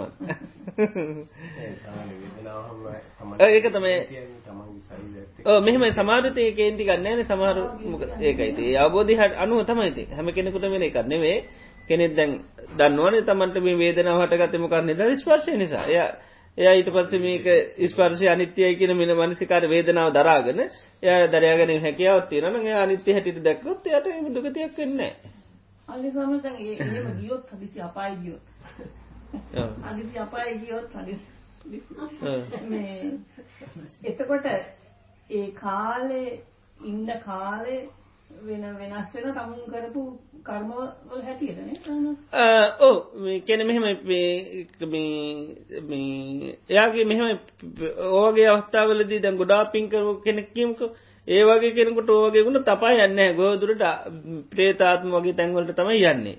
ගොඩ පින්කරපු කෙනෙකුට වගේ අකර තැබයක් වුණා කියමක. ඒ වගේ අය යන්නේ මේ අපායට නෙවේ එයා යන්න නිතරම මේ ප්‍රේතාත්මෝල්ට යන්න. ඉතින් ඒ අයට ගැලවෙන්ට ලේසිීතින් දැන් පින් ගන්න ලේසි. දැන් අර බුදුරන් වන්සේ කාලෙ සිද්ධයක් කලත්තින එක සාමිනන්ස නමක් සිවර නංගි පූජ කර. ඊට පසේ හරි මේ ඇල්මක් ඇතුවන සිවරට. මොකද නංගි දුන්න හින්ද. ඉතින් හොඳ වටි නාසිවරක් වෙන්න. ඉති මේකට හරි ආදරය කර කරීටය සිවරට. ඊට පස්සේ ඉතින් සිවර පොරුවන්නෙත් නැතු අතේ තියාගෙන සිවරට දැඩි ඇලුම්මක් කර. අවසානයමක දුන්නේ මේ ඒ කාලය තුළ ද අසනීපයක් කලා අපවත් වනා අපත් වෙනකොට මතක් වුණේ සිවර. ඊට වස සිවරෙම පොඩි සතෙක් වෙලා ඉපදුන හැබැයි දවස් හතයි. දවස් සතයි ආවිශ්‍ය ඉති අර ඒක ඒ වගේ දුරුලතාවයක් වුණාට අර ප්‍රබල අයගේ ජීවිතයම අපා යන්නේ නැහැ. ඉති ඒතෝට දවස් හතයි එතෝට බුදුරජාන් වන්සකිව සිවර කවුරුත් ගන්න එපා කියලා මේ දවස් සතක් කැනකා. මක දෙයා දවස් සතින් අයිගෙනවා. එවෙලා ඇති ගත්තනම් අර ගත්තය ඇත් එක්ක යා කේන්තියන. එති ඒ නිසා තමයි ගන්න එපාක්ව සිවර. ඊට පස්සේ ඉතින් එයා ඒකෙන් නිදහස් වුණා. ඊට පස්සේ කියලා සුගතිය පුදුනා. ඊළඟට ඔය අපේ දම්මා සොකරත්තුමා ගැනත් තියන්නේ අවසාන මොහොතේදී එයාගේ හිතත් අර කේන්තියක් ඇතුවන ඒ නිසා යාගිල්ල භූතනාගෙක් කළ ඉපුද නිති අපි මිනිමාරාතන් වන්සේගේල්ල එයට කරුණු කියල බන කියල ඊට පසය චුතුවල ලංකාව ඉපදිලා මේ රහතන් වහන්ස නමක් කළ පින්නම් පෑ. ඉති ඒවගේ අට ප්‍රබලායට දුරලතාවකුණ තේතේට පිළිසන් නත්තිනවා ඒකයි. මල්ලික දේවි ගැනත් තියන මේකේ පොඩි ප්‍රශ්නයක් යාගේ හිතේ තිබිලා. ඉතින් එය මේ දවස් සටත් තමයි ඒ දුගති ජීවිතන්නද නිට පස්සයා ජීවි ලොග්ගිල උපදින. ඉතේ වගේ අර ප්‍රවල චරිතවලට ඒක හානියක් වෙන්න ඒ වගේ මොනහරි සුළු දෙයක් වුණත් අකරත ඇපය. ඉතර මේක වැරද තියන්නේ දැන් කල් ඇතුව මේ මරණහසන්න මොහොතට බය ඇති කරගෙන ඒක තමයි ලොකු දුරලතාවය අනවසි ලෙස. මොකද මතක් වේ ති මොකක් මතක් වෙන්න ද කියන තැන ඒකම හරි නති මොකද මතක් වෙන්න? තුර මතක් වෙන වැඩිපුරමුණවද අපසවනේ එති ඒක ඒ නිසා අපිට ඒ අදාළ දෙයක් නේ අපිට තියෙන වර්තමානය හොඳට දේවල් කරන්න මන්නාසන්නේ ඒ ධර්මය අපි අපේ මතේ තියෙන ඕනි. මොකද මානසික පෞරුෂත්වය ඇති කරගන්නඩෝන අපි ධර්මය ආරශ්ා හැසිරෙනයි ධර්මයෙන් අපි ආරශ්ා කරන හයි තියෙන මානසික හයියේ. බය බයති බොත්මකදන බයනෙන්නේ බයනම ඇති කරන්නට පෞරුෂත්වය. ඉති බුදුරජාන් වන්ස කියන්නේ බයක් හටගත් හමකවද සී කරන්න කියන්නේ? බුදුරන් වන්ස සී කරන්න කියන ති දැයකත් බයන්නේ. එත නිදි සීකරන්නට ඒකේචි බුද්ධන් සරනං ගතා සේනතේ කමිසන්ති අපාය. යමි බුදුරජාණන් වන්සේ සරන්න ගැන අපායන්න පහය මානුසකන්දය මිනිස් දේ හැතෑරයට පස්සේ දේවකායම් පරිපූර සන්ති. දිවිලෝක පුදිනොය. දේ වගේ අර අපේ හිත විවිධ විදිට හදන්න තින එක පැත්තකින් අපි අප්‍රමාද කරගන්නන හිත. අනි පැත්තෙන් හිත සතුට කියනක තියෙන්න්න ඕන අනිත්තක මන හැවනට හරි හයිය තියෙන්න්න නිති ඒ විදි ඒ එක විදියට හිත හදන්න ඕන. ඒක එක එක විදියට හිත සකස් කරගන්න ඕන පමාදවෙන්ට දෙන්නත් හොඳ නැහිතට. ඊනකට හිතේ සතුර නැති කරගන්න ප්‍රීතිය කෙනෙක නිතරම තියන්න නිතරතා මේ භාවනාවක්යම දියුණු කරගන්න පුළ. නිතරම තමන්ට නැති දේවල් ගැන හිත හිත කම්පාවවී සැලි සැලි හිටියොත් ඒත් බැහැ. ඊලාට අනිත් පැත්තෙන් අර සත්‍ය තියන්න මේ ධර්මය හැසිරීම ධර්මය ලැබීමෙන් අපට ලැබල තින භාගකි ඒක නිතරම හිතන්න ඕන්න එතොට මෙහිත බෝම සත්‍යමත් කළ එනවා. ඒ විදියට හිත විවිධ විදියට වඩන්න ඕ. එකම ක්‍රමයක් නෙමෙයි. අරඒක රත්තරම් මේව කරන වගේ කියන රත්තරං රත් කරනවා ආය නිමනු ආය මේ හුළං ගහනු ආය මේව කරන එක විදිහට කරන්න ඒක වරින් වර වරින් වර මාර කරන ඒ වගේ තව හිතත් දැම් බය විතර පුරදුරු බයතම එන්නේ ඉතින් එම විදියට මේ කන්නන්න ඉතින් අපි වර්තමානය හැටියට නිතර දකින මේ මොහොත මගේ කෙලේසිය කටගත්තු මන් රාගයක් පවත්ත පවත්තට එවල මැරුණොත් මට හොඳ මරණයක් කෙන්නේ ඉතිේ අප්‍රමාදයට තම එක තියන්නේ. එතට කෙලේසිය කාප ගන් හිතට ප්‍රමාද වෙන්න ඉක්මට මයින් කල දනමකද මැරෙන්ට පුලන් ආන්නේ හිතේ වගේ අර විවිධ විදියට කරන්න ඕන. මේ කර දැන් අපි අප්‍රමාද වෙන්න දැන් අපි දැන් මරණ මොහොතේ ගැන හිතුවට මේ මොහොත ඕන තරම් කෙලෙස් පවත්ව තින්න නේද?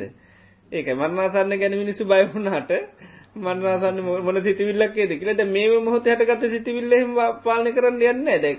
මේ මොහොතේ බයක් ඇති වුණා දැන් මරණාසන්න. ඒක දැන් නැති කරන්න උත්සාහ කරන්නේ නැහැ නේ. ආන්න ඒකයි එකතම තියෙන වරදිතින් අර පරම්පරාවට පාප ලොකුම දෝසයක්කිට ඒක බනවලට හරියට ඉතින් කියන්නේ ඒක ගැන්න ඉති මිනිස් හරියට බයෙන් ඉන්න මේ මන්නා සන්මතක ඉටන්නේ කිය. මනුව කරත් අරියන්නේ මන්නාසන්නේ එක අනුව තමයි විසිද්ධ වෙන්න කියලා. එතොට ඒක නිකම් මේ නියතියක් වෙනවන්. එහෙම කන්න හේතු ඒකයි. එහෙම දේශනා කරලන බුදුරන් වස කොහව මන්නාසන්න කතාවන්නේ මේ මොහොත්තේ කෙලෙස් සාගතව ගෙන මැරුණත් ඒක හොඳ මරණයක් නෙවේ කියන ඇති ඒකයි. දුවතියන්නේ නැන්න ඒකයි අපි ඒ ධර්මතා ඒවට ගන්න ඕනි.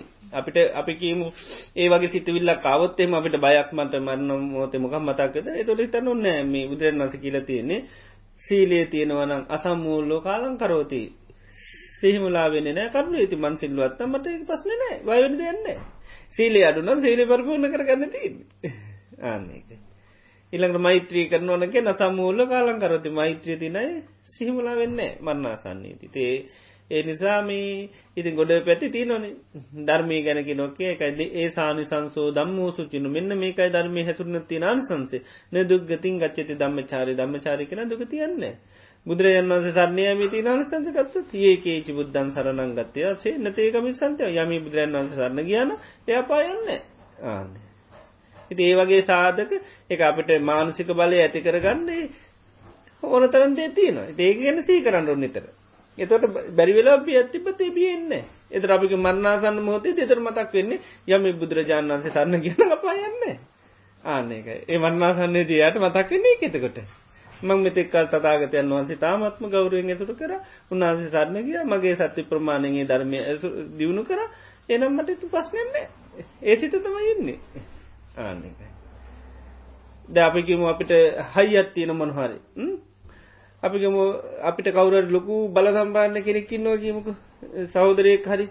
අපි දැනට මුකුත් නෑ සමල්ලාට ඒවනට අපි හිතන මෙයා මේ මට කරදරයක් වුණොත් මේ අපිකම කියලති න කියන යට කරදරයක් වුණු තෝනිලා ගැන මං ඉන්න ඉති එහෙම හයිත් තිබත් අපට කරදරයක් වුණොත් මකද නිමුලාවෙනවාද න අපට මතක්කෙනවා අහවලා කියලා තින දැන් කියන්න පුළොන් එතර බයන්න හිතට. ද අපිට එහෙම පිළිසරන්න නැත්තම්ක දෙන්නේ අපි හිත හිත නොනි මොනහර උනුත්න මට කියක් ඇත්තත්න්න මොනොද මං කරන්න කියලද බයඉන්න තොට ඒ බය අනිවාර්යමක දෙන්නේ අර පස්නයට කරු දැන් තිබට ගැදැන් හොඳට මේ වෙන දැන් කරගන්න දෙයක් තේරෙන වෙන දැන් පිළිසර නන්න ආන්නේ. ඉතින් පිළිසරන්නත් තීරෝන ගිරිගන්න ඔන්නේ පස්න එනකොට මතක්කෙනවා දැන්නම් හරි මෙයාටක විකම් මේක එතට යන් හයිත් තියෙන හිතට. ඒවගේ තම වර්ණාසන්නෙත් අපි හිතනවන මෙහෙමකත් අපිට තියෙනවා කියලතට අර බයක් කවතින්න ඒක. එන්ඩීද නැහැ එකට ඒකයි ඇයි මතක් වෙන්නේ? අපිට පිටිසරන්නත් තියෙනවා අන්න ඒකයි. ඒ විදිට අර පුරුදු කල තියනන අනවස්සි ලෙස සිත් පුරුදු කර තිතින් ඒ හරි හානියක් වෙනවයිතින් අනවස්සි ලෙස දේවල් පාවිච්චි කරපාව ඒවා වෙනත් හේතුවලට කියපුවා අපි පාවිච්චි කරන්න වෙනත් දේකට ඒක ගොඩාක් බෞතරයකට තියෙන ගැටලුවා වයිසට යනකොට ඒක වැඩි වෙන මොක දර මේ අවසාන මෝත යන මොකක් මතක් දන්නේ කිය ඇයි බණ කියනකොට ඉතින් එනවන අයොලුට ඒ කතත් කියන ඊට පස්සේ ඉතින් අසෝකරත්තුමයි කතාවත් කියන ති හෝ කිව්වම අච්චර වේරු වියාට අතර අපි එච්චරතලත් නැතු අනි අපිට මොකක් දන්නේ කියලා. නේද? අන්න එක උදාහරණ ඇර කියනවා. ඒක අනවස්්‍ය කතාවක්. කියන්න ඕනේ වනේ නිතරම කෙලෙස් එක්ක ජීවත්වෙන්න පයකන මර්ම සතිය වරනකොට මරණ සතියද කියන අද මම මැරෙන්ඩ පුළන් අද දවස තුන මැරෙන්ඩ ගොඩා හේතු සාධක දේවල් තියෙන පුළුව ඒවනි සමම් මැරෙන කොහොම දම මැරුණුත්? මගේ හිතේ මොනවද තිය කෙස් තිය නොතික බලන්න කෙනෙන්න බාන්න එතකොට. එතට බලනකොට ඔන්න තමන්තයන මගේ හිතේ රාගදේශ මෝමේ දරුණු කෙළෙ තුස්සන්න. එත මේ වයිලාව මැරුණොත් මට හොඳ වරණයක් වෙන්න ලාමක එන්න සමන් මගේ හිතේ තින මේ කෙලෙස් නැති කරගෙන මං අන්න පිටිසුදු සිතින් ජීවත්වෙන්න ඕනි. ඉතිේ අනේවගේ ඒවතමයි කියන්න ඔන්න නිතර. ආ නිතර තමයි අර කෙනෙකුගේ හිතක අන්න වෛරයක් අවතෝකොව මාස ගණන් අවුරුදු ගණන් අර හිතේ පැසව පැසූතිය ගන්නේ ආන්නේකයි ඉති ඔව පැසිවොත් මරණයට මරණය ඕතමෙන් නීති දැම් පසවල දේතමයින්න වන්නාසන්නට ඒකයි. ඉතින් දැම්ම අයිංකරගත්තොත් මන්නාසන්නට හරි. ඉති හිතේ හදාගත්ත දේවල්තයි බොහෝදුරට මන්නාසන්න මොහොතේ එන්නේ. ඉති හිතේ අර මානසික හය දියුණු කර ගත්ත කෙනට ඒකතම යට එන්නේ දැන් දේවතානුස්සතිහම වට නොනං ඒ වගේ බිය කියන එක නැතිවෙලා යනවා. මන්නාන් සන්නමෝතේ වගේ තමන්ට මොක මතක්වේ දෙකින බිය ඒව නැතිවෙන දේවතානුස්සතිය වඩු හම් දේවතානුස්සති වර්ණකට බුදුරන්න සුපමාවට පෙනෙන රත්තරන්තින වැැදැන් රත්තරන් උපමට්ටන් කරුම් මොක දෙන්න කිල්හන තවත්? ආන හොඳටම දිලිසෙනවා. සමන්ලාට රත්තරම් උනාට සමන්ලාට ඒවා මේ දූලි අරුව මෙවැ නිසා බැලූ බැල්මට රත්තනන් ගතය පේන නැතිවෙන්න පුළ රත්තනං එනට පේනෑ රත්තනක් කියරමකද තියෙන කිලිටි ගති නිසා. නමුත් රත්තරං ඔපමට්ටන් කරොත්මකද වෙන්නේ? බැලු බැලනුටම කෙලින්ම රත්තරං හැටියටම පේනවා. ඒවගේ දැන් සද්ධහා සීල සුතුතයාග පඥ්ඥා කියලා සාවක වඩනු. සද්ධාව දියුණු කරනු සීලිය දියුණු කරනු තියාග ගුණිය දියුණු කරනු ප්‍රඥාව දියුණු කරනු මේ සුතේ දියුණු කරන කැන ධර්මඥාන්. දැම් මේ පහ දියුණු කරනවා කෙනෙ දැන් දියුණු කරට එක පාටම සමානලාට මෙයාට මේ අර වගේ වෙන්න පුළො මේ වටිනා දේවල් තමා තුළ තියදි වටනාකම නොදකින්න පුළ ඒ නිසා දේවතානුස්සති වඩනකොට වඩන්නේ මේ ඒ දේවතානුස්සති වර්ණයක් කෙන සිහි කරනවා මේ ලෝකේ චාතුම් මහරාජික තාවතින්ස යාම තුසිත නිම්මාන් රති පරණීමිත වසවත්ති ආදි දිව්‍ය ලෝකතියන ඒට එහත් දිවලෝකතියන ඒ දිවලෝකොල ඉපදිච්චි දෙවියක් මනුෂ ලෝක ඉන්න කාලෙ සද්ධාව දියුණු කරා. සද්ධාව දියුණු කළ තමයි දේවත්වයට පත්වනේ. එතට ඒ දෙවියන් දියුණු කරපු සද්ධාව මාතුලතිීම. මමත් ඒ සද්ධාව මටත් සද්ධාවතිී.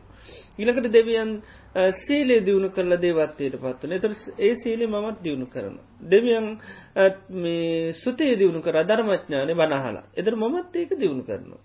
ඉඳඟට දෙවියන් ත්‍යාගගුණේ පරිත්‍යයාගේ දියුණු කරල තමයි දේවත්වයට පත්වනේ. එතට ඒ ත්‍යාගගුණේ මාත් දියුණු කරනවා. එවගේම දෙවියම් ප්‍රඥාව දියුණු කර බ්‍රාමණාව කරලා එතට මමත්තේ ප්‍රඥාව දියුණු කරනවා. එතට දෙවියන් සද්ධා සීල සුතතියාග ප්‍රඥා දියුණු කල තමයි දේවත්වයට පත්වනේ. එත මාතුලත් ඒක තියනෝ කියල තමන්දයා බල. එතර තමත්කොහට යන්නේ. ඒ තත්වට යනෝ කියලා ආන්න තමන්ග වනසම ස්ථාපිතය. එතර තමම්ම විසක ගහගන්න පුලෝ. නේද? ඒක වේසතියනන බයෙන් දෙන්න නනිවර යනු ඒක ඉතේ වගේ බයත් තීර කෙනකොට අන්න තමා තුළ තියෙන ඒක අර කියන්නේ රත්තරං තිබුණට රත්තරන් කියලා දන්න ඔපමට්ටන් නොකර ති ඔපමට්ටන් කරපුකම ආය සැකයන්නේ රත්තර ඒවගේ තම තමන්ගේ ජීවිතයත්. අන්න ගුණ තියනොත් සමට දකින්න තියෙන පුලන් දැක්කොත් බයක් වෙන්න දෙයන්න එන ම සදා සීල සුතියාක වඩපු කෙනෙක් කෙනෙක නිතරම සිහිතිය නමකද සීකරන එක දේවතානුසති භාවනාව නිතර වඩන්න වන්න අනුස අනුසති කැන සී කරන සීකරන්න සීකන්මක දෙන්නේ සිහිය පීටන තොට මන්නාසන්න හොත සීය තිරවට එයට පයක්වෙන්න දෙන්න මම මංගුහේ අයිද කියල ය දන්න යන්න කොහිද කියලා. ඇයි කල්ල තු වි සගහන්න්නේ නේද? එනිසා යන තැන හොඳට මුදන් නොක යන්න කියලා. ආන්නක ඉති එනිසා අර ශාසනය තුළ ඕන තරම් මේ දේවල් තියනවා පුරුදු නොකරන ප්‍රශ්නය තියෙන සමාරයි කියන හරි අසාධාරණයක් මේක කියන මරණා සන්නේදී මෙච්චර කල් අපායනොන හරි අසාධාරණයි කියනති. එහෙම එකක් නෑ අර අනවශ්‍යදේ විදියට අර ධර්මය ගැනීමේ තියෙන ප්‍රශ්නයක් නැත්තම් එහෙම එකක් නෑ.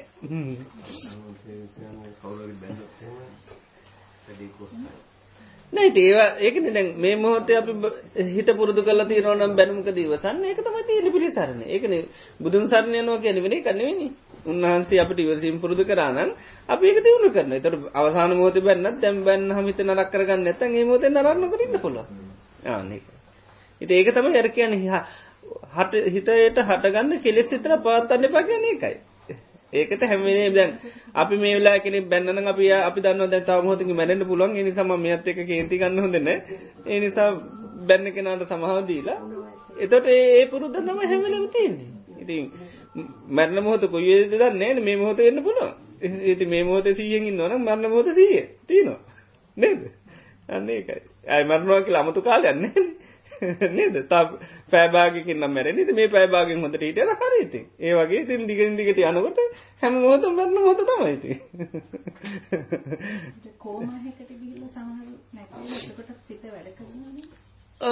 හිත මේ වැඩ කරන්න පුළන්ට කයත් එක්ක තම හිත වැඩ කරන්න ඇත්තේ කයි මකද මේ ඉන්ද්‍රියන් දුරුවලෙනකොට ඉස්නාව මැරෙනකොට අර කයත් එක්ක තියෙන චාකාරෙත්ව නැතුන නමුත් මනෝ මේ වසෙන් අපි නිදාගත්තාම හින පේනවා වගේ යාගේ මනස වැඩ කරන දැ නිදාගත්තාහම හින පේෙන් ඒ වගේ මනස චාකාරෙත්තේ තියෙනවා.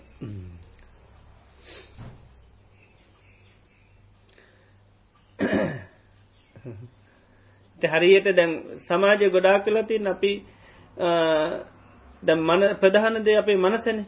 මනස ප්‍රධානුනට ලෝක නිතරම මේ මනස ප්‍රධාන තැන්ට නිතරම ගන්න නෑ ප්‍රධානතය හැටියට ගන්න එකයි.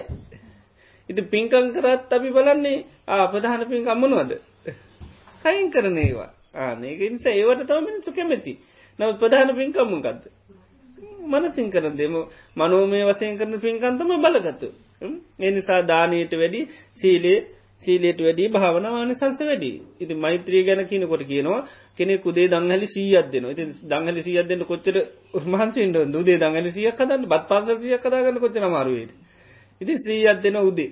දවල් සීයත් දෙනවා. හවස සීයත් දෙන බත් හැලි සීයත් දන් දෙනවා. ඉති ඒ බත් හැලි සීයත් දන් දෙනවට වඩා ආනි සංසයි කියනවා. පැයි භාගයක් වගේ කාල මෛත්‍රිකන කිරි දෝනෝ කියලකැන කිරි දෝන වැඩි කාලයකන්නේ ඉති එතට ඒ කාලය මෛත්‍රී වැඩුව තර දංහලි සීයත් දෙනට ඩියම සංසයකින ඒට වැඩියම සංසයකින එතට අර දැම් වෙලා තියෙන පස්නතම අපි මනස ලොකු දේ හැටිට ගන්න ජීවිත. කය නිති අපිට කයින් තමයි දේවල් වෙන්න ඕනි. මනසට මොන වනත්කම නෑ ඉති ඒක තමයි තියෙන ගැටලුව. ඉති එනිසා දැන් එහෙම ඉඳලා දැන් අපි කායිකෝ දේවල් කරාට මනසින් දේවල් නෑ නිති එතෝට අපේ ඊළඟ ජීවිතයට බලපානමකද මනස දූෂිත වෙලාතම ඉමරෙන්නේ එත දූෂිත මනසින් නිතරම අන දුගති ඇත්තමයි හදන්නේ එත චිත්ත සංකිලිට්ටා භික්කවේ සත්තා සංකිලිට්ට සිත කිලිටුනොත් සත්‍යයෝ කිලිටුව හිත පිටිසුදුනුත් පිරිසිදෙනවා. සිත කිලිටුවීම තුළ සුගතිය නම් කැමතිවෙන්න පාකින. සිත කිලිටුවේගෙන සුගතියක් කැමතිවෙන්න පාකින දුගතියක් කැමතින්න කියන. ඉතින් ඒකයි. එනිසා පින්දහම් කිරීමත් එක් අපේ මනස අපි ඒක යාරසා කරගෙන ඉන්නඩ එතවට ඒකයි අවසාන මොහතේ කේන්තියකවත් අවසාන මොහත කේන්තය කර ගන්න පුලමද දන්නවනේ. කේන්තියට කරන්න ඕනි දේ දන්න. දැන් හිත දන්න තියෙනමකද කේන්තියාව පිළිගන්න. ඉති ඒක තම එතට අවසාන මොහොතත් ඒක තම වෙන්නේ. ඒනිසා බුද්ධ ශාසනය ප්‍රධාන ඉලක්කේ මකද හිත හදාගෙන මේක සචිත්ත පරියෝධපනන් ඒතම් බුද්ධාන ශාසනකෙන් හිත දමනී කර ගැනීම හිත හදා ගැනීම තම බුදු ශාසනය.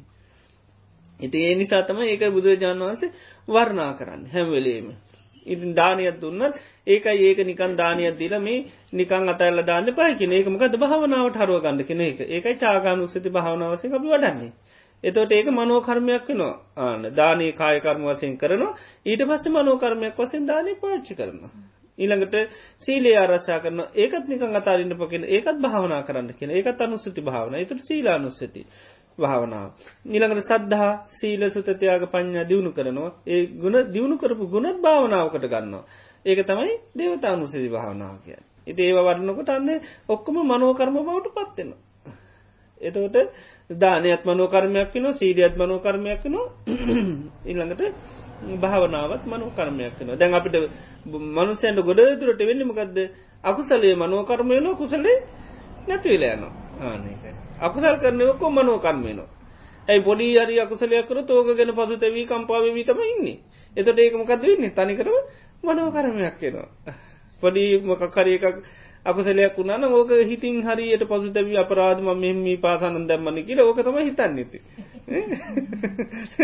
එතට මොකද ඒක තනිකර මන කරමයක් වෙන ඒක හිතින් ඊට පස අමතක වෙන්නේ නෑ ඉතින් ඒ නිසා අර අකුසල් මනෝකර්ම කරගන්න කුසලේ මනෝකර්ම කරගන්නේ නෑ. වෙන්න ඕනීක අකුසලේ සම්පූර්ණ හිති යටපත් කරලා කුසලේ නිතරම හිතින් සී කරන්න ඕට ඒ තොට ජාගානු සතිය කියන අපට යනින් යනින් ගම කරන්න පුළුව සීලානු සතියක් පුළුව දෙවතානු සතියක් පුළුව එතට සනිකරම භාවනාව කරන කෙනෙක් වෙනවා. හිත භාවනා තුළ තමයි නිතරම සිට ආන්න පිරිසුදුයි. බුදුරන් වන්ස් කියන දැන් චාගානු සති වඩනවනං ඒ මොහොතේ න රාග පරිුට්ටි තන් චිත්තන් රාගෙන් සිට මැඩලන්නේ නැහැ.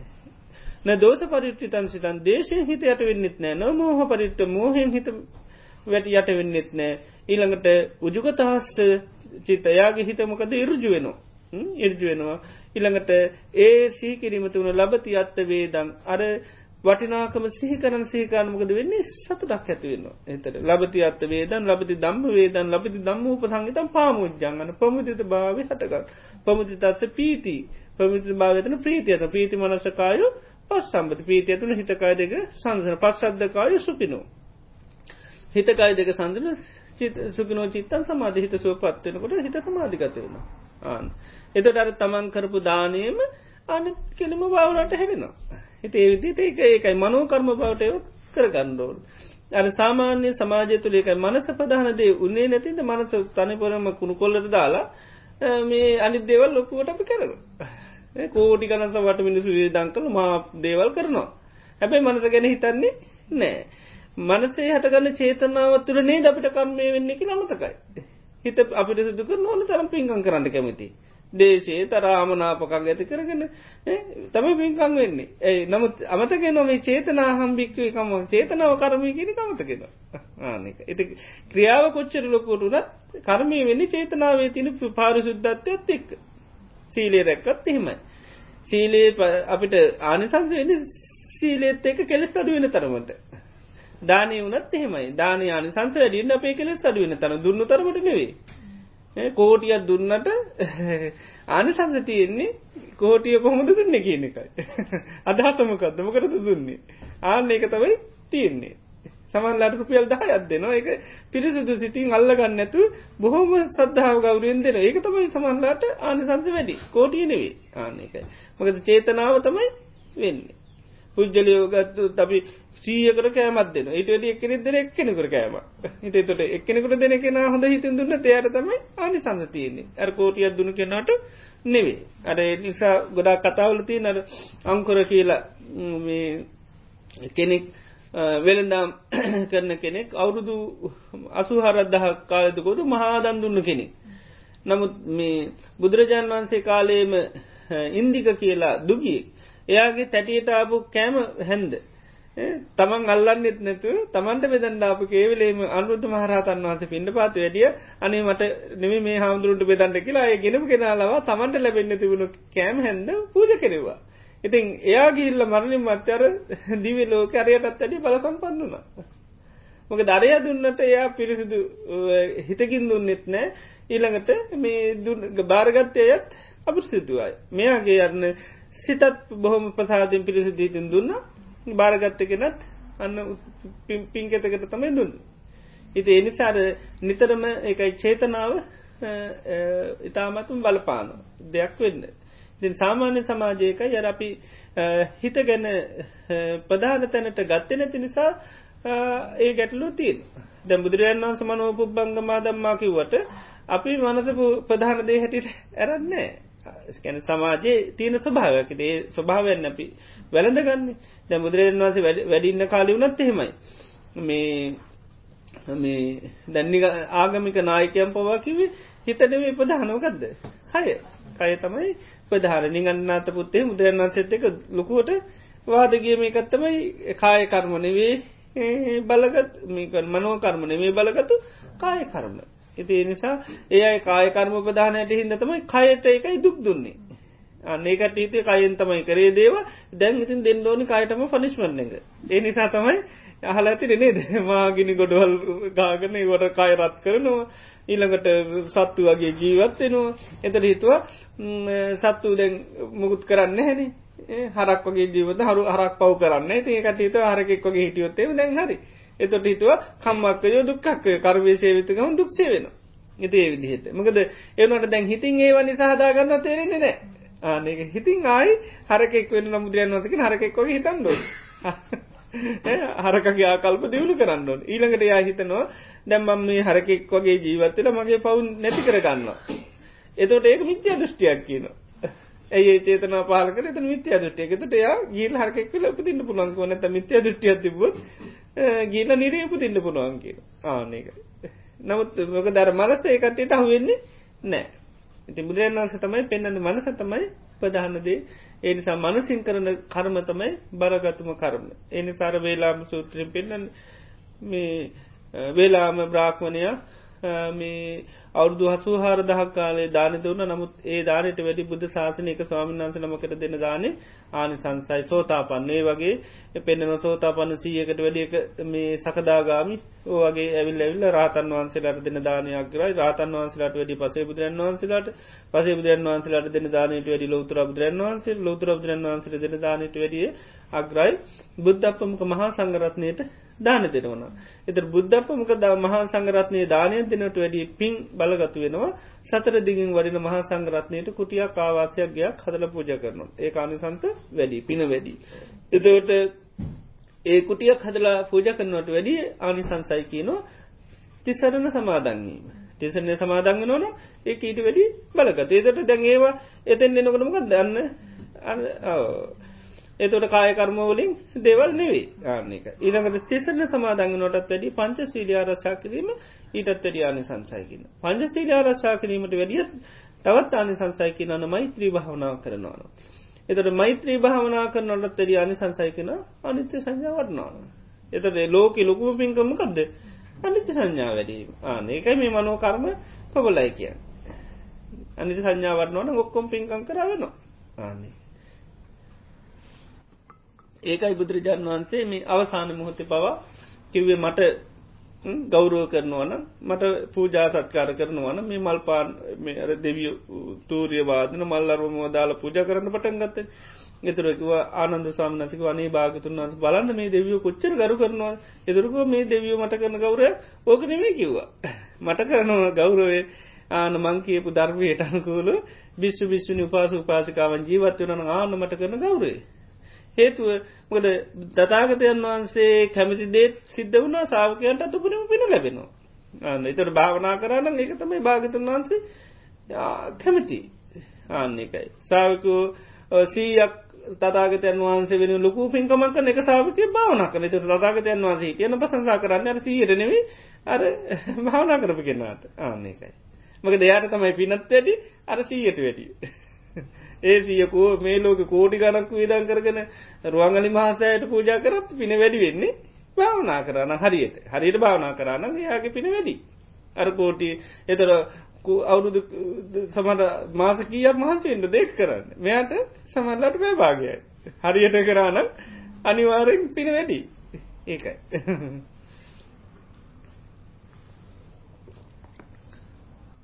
අර සාමාන්‍ය මේ ඒ වගේ දේවල්ලට යොමුවෙන්න බැරිමකද දැන් අපේ නිතරම කාමයත් එක්ක අපේ හිත තියෙන්නේ.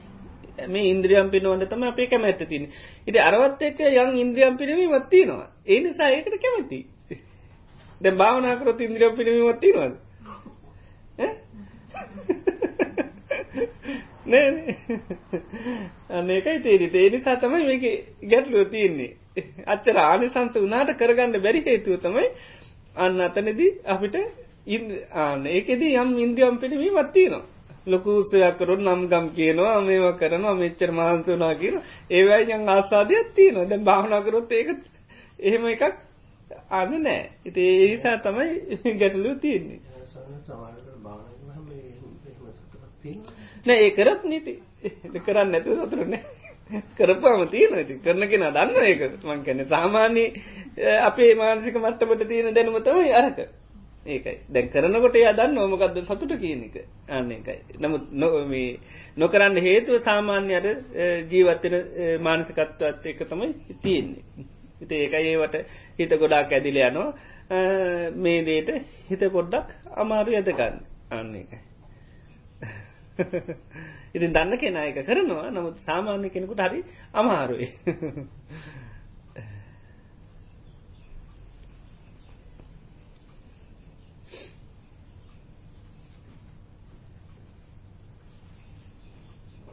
ඒ අමාර්ම නිසා තමයි ආනිසංසත් වැඩි.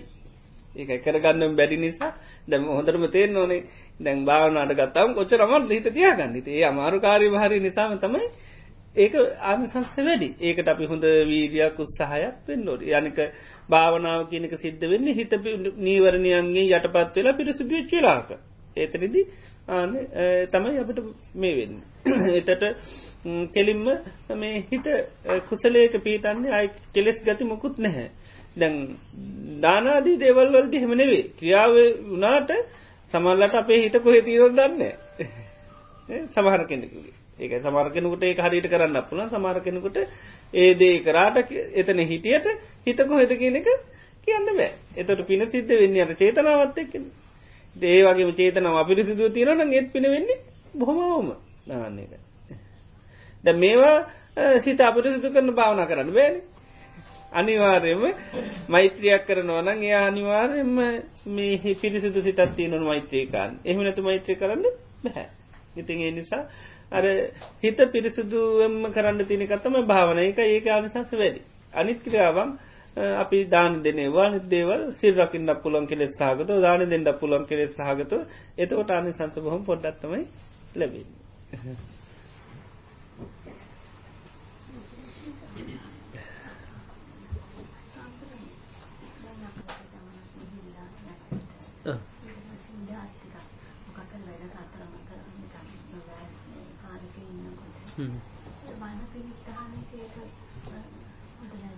කිසි ගැට උසස් කරලා සලකන අපි ගෙදරක නිකන් එහෙම කිසි ගැටලුවන්න මොකද ධර්මය දැන් සීකරණ එක ඕන වෙලා කරන්න පුළුවන් නැති.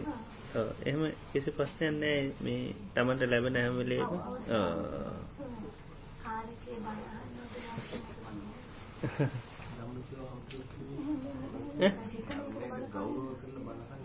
මෙහෙමයි දැන් අපි මේ දැන් සාමාන්‍ය වෙලාවට අපි කරනවා. දැ යනින් ගෙනින් ගමන් අපි හිත මේ ධර්මය මොනවද ඇහැනවන අපි හිත මෙව කරගන්න පුල එතොට ධර්මයට තියෙන ගරුත්තේ නිසාන ධර්මය දාගන්න නැත්තන් ධර්මය දන්න ඒ ඒ නිසා යනිගෙනින් ගමන් වනත් බණහවක් කෙලෙම ගැටලුවන්න හැ අග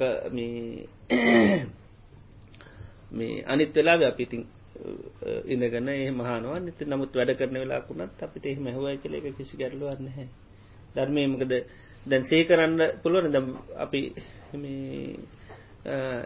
ඉන්න හැම වෙලේම අපි ධර්මය සේකරන ඒ ධර්මය අපි අනිවාරන් සේකර දැවිදිනකොට භාවනාවයනෝ ගැනේ ධර්මින සේකරන්න මොනවරි අපි කන සිය පීටවාගෙනනවා ඒ ධර්මයෙන් පාච්චික අනිතතාව බල බලයන්න ඒ ධර්මයෙන් පාච්චික ඇවිදිනකොට. ඉති ඒ වෙලාවේ ඒ වගේ අපට කුසරතා අඩුනම් අපිට ධර්මය හොත් අපට යම් පසාදයක් සීයක් වීරයක් ඇති කරගන්න පුළ නැති නිසා ඒක ඇහුවක් ලිම ගැටලුව නැහැ. මකද බුදුරයන් වන්සි කාලේ තමට සක්මං කරගර පිට පස්සේ බනහලති නැති උනාසේ යන ගම පිටි පස්සිදකන පස්නහන අර දැන් තියෙනවා ධර්මය දේශනා කරන කෙනට තැන දෙන්න ඕඩි දැන්. යනකොට අපිට විනි නීති තියෙන අපි පිටිපස්සේ යමින් ඉස්සරහ යන කෙනට වන කියන්න පාකේද ඉළඟට අපි බිමයින්දගෙන උඩින්න එක්කනට බණ කියන්න පාකි ඒකයි. අපි දැම් බිමයින්දගෙන අහන කෙන උඩ ඉන්න යාට එහෙම බණ කියන්න පා කියන ඒ වගේ අපිට ශිෂ්ෂා පද තින්න බණ කියනකොට. වින නීති. බර කියන්න මහිතන පහළුවක් විතර ශිෂ්ෂා පදති කඩු ඇති ඇයට කුඩ ඉහලගෙන ඉන්න අයට ඊළඟට ජටා බැඳගෙන ඉන්න අයට ඒ වගේ පුද්ජලයන්ට බණ කියන්න එපා කියනවා. ඊළඟට තම හරිපා කෙනෙ පාරයන අපි කැලේ පැත්තෙන් යන බණ කියන යායට එහෙම කියන්න එපා කියනවා. නිතරම තමන් අන්න හරිම ගැන අනිත එක්කෙන තමයි වන කියන කෙන තමයි යන්න ඕනේ පිටි ඒ වගේ නිතරම.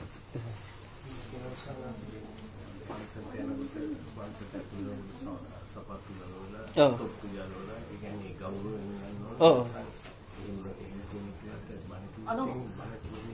ඕ අපිට කියන තහනන්ද තොප්පිදාගෙන ඉන්නම කෙනෙකාවත් ගලවන්න කියලා තම බණ කියන්න.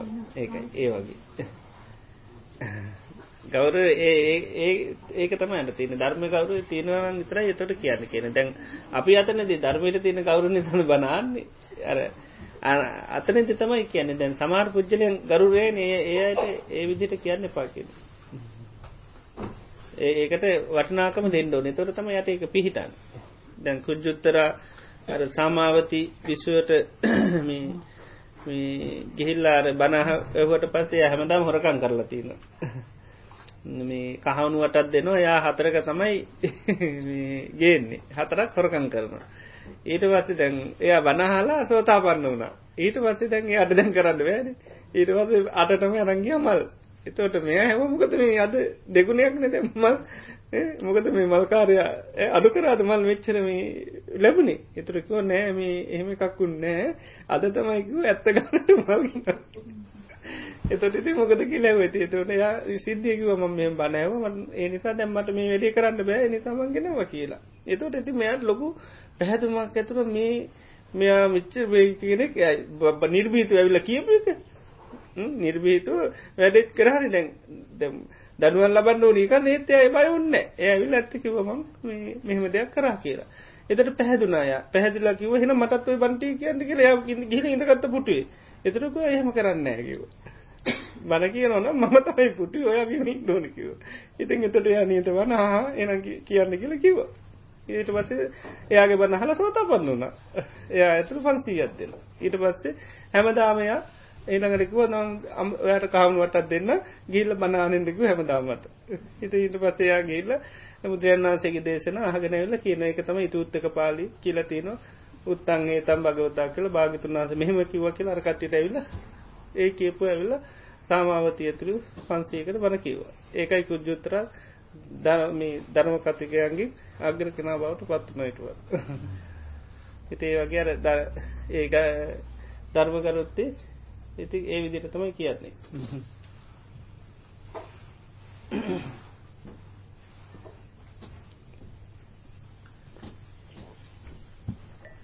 අර අපි ඉඳගෙන ඉන්නකොට වගේ සමට සම්පූර්ණ ගහනය කරගන්න බැරිවෙන්න පුළන් අපි හනකර දෙයක් අහනකට ඒකයි සමට කියන්න. ඉතින් තැම්පත් වෙලා මහන්ද කියන්නේ එකයි නමුත් අපේ වෙලාවෙත් මනස යනනම් එක වචන අධ්‍යයක් හරි ධර්මය අපිට හැනන එකල්ලක දෙයන්න ඒ අදහසින් මේව කරට ප්‍රශ්නයක් නැහැ ඉතින්.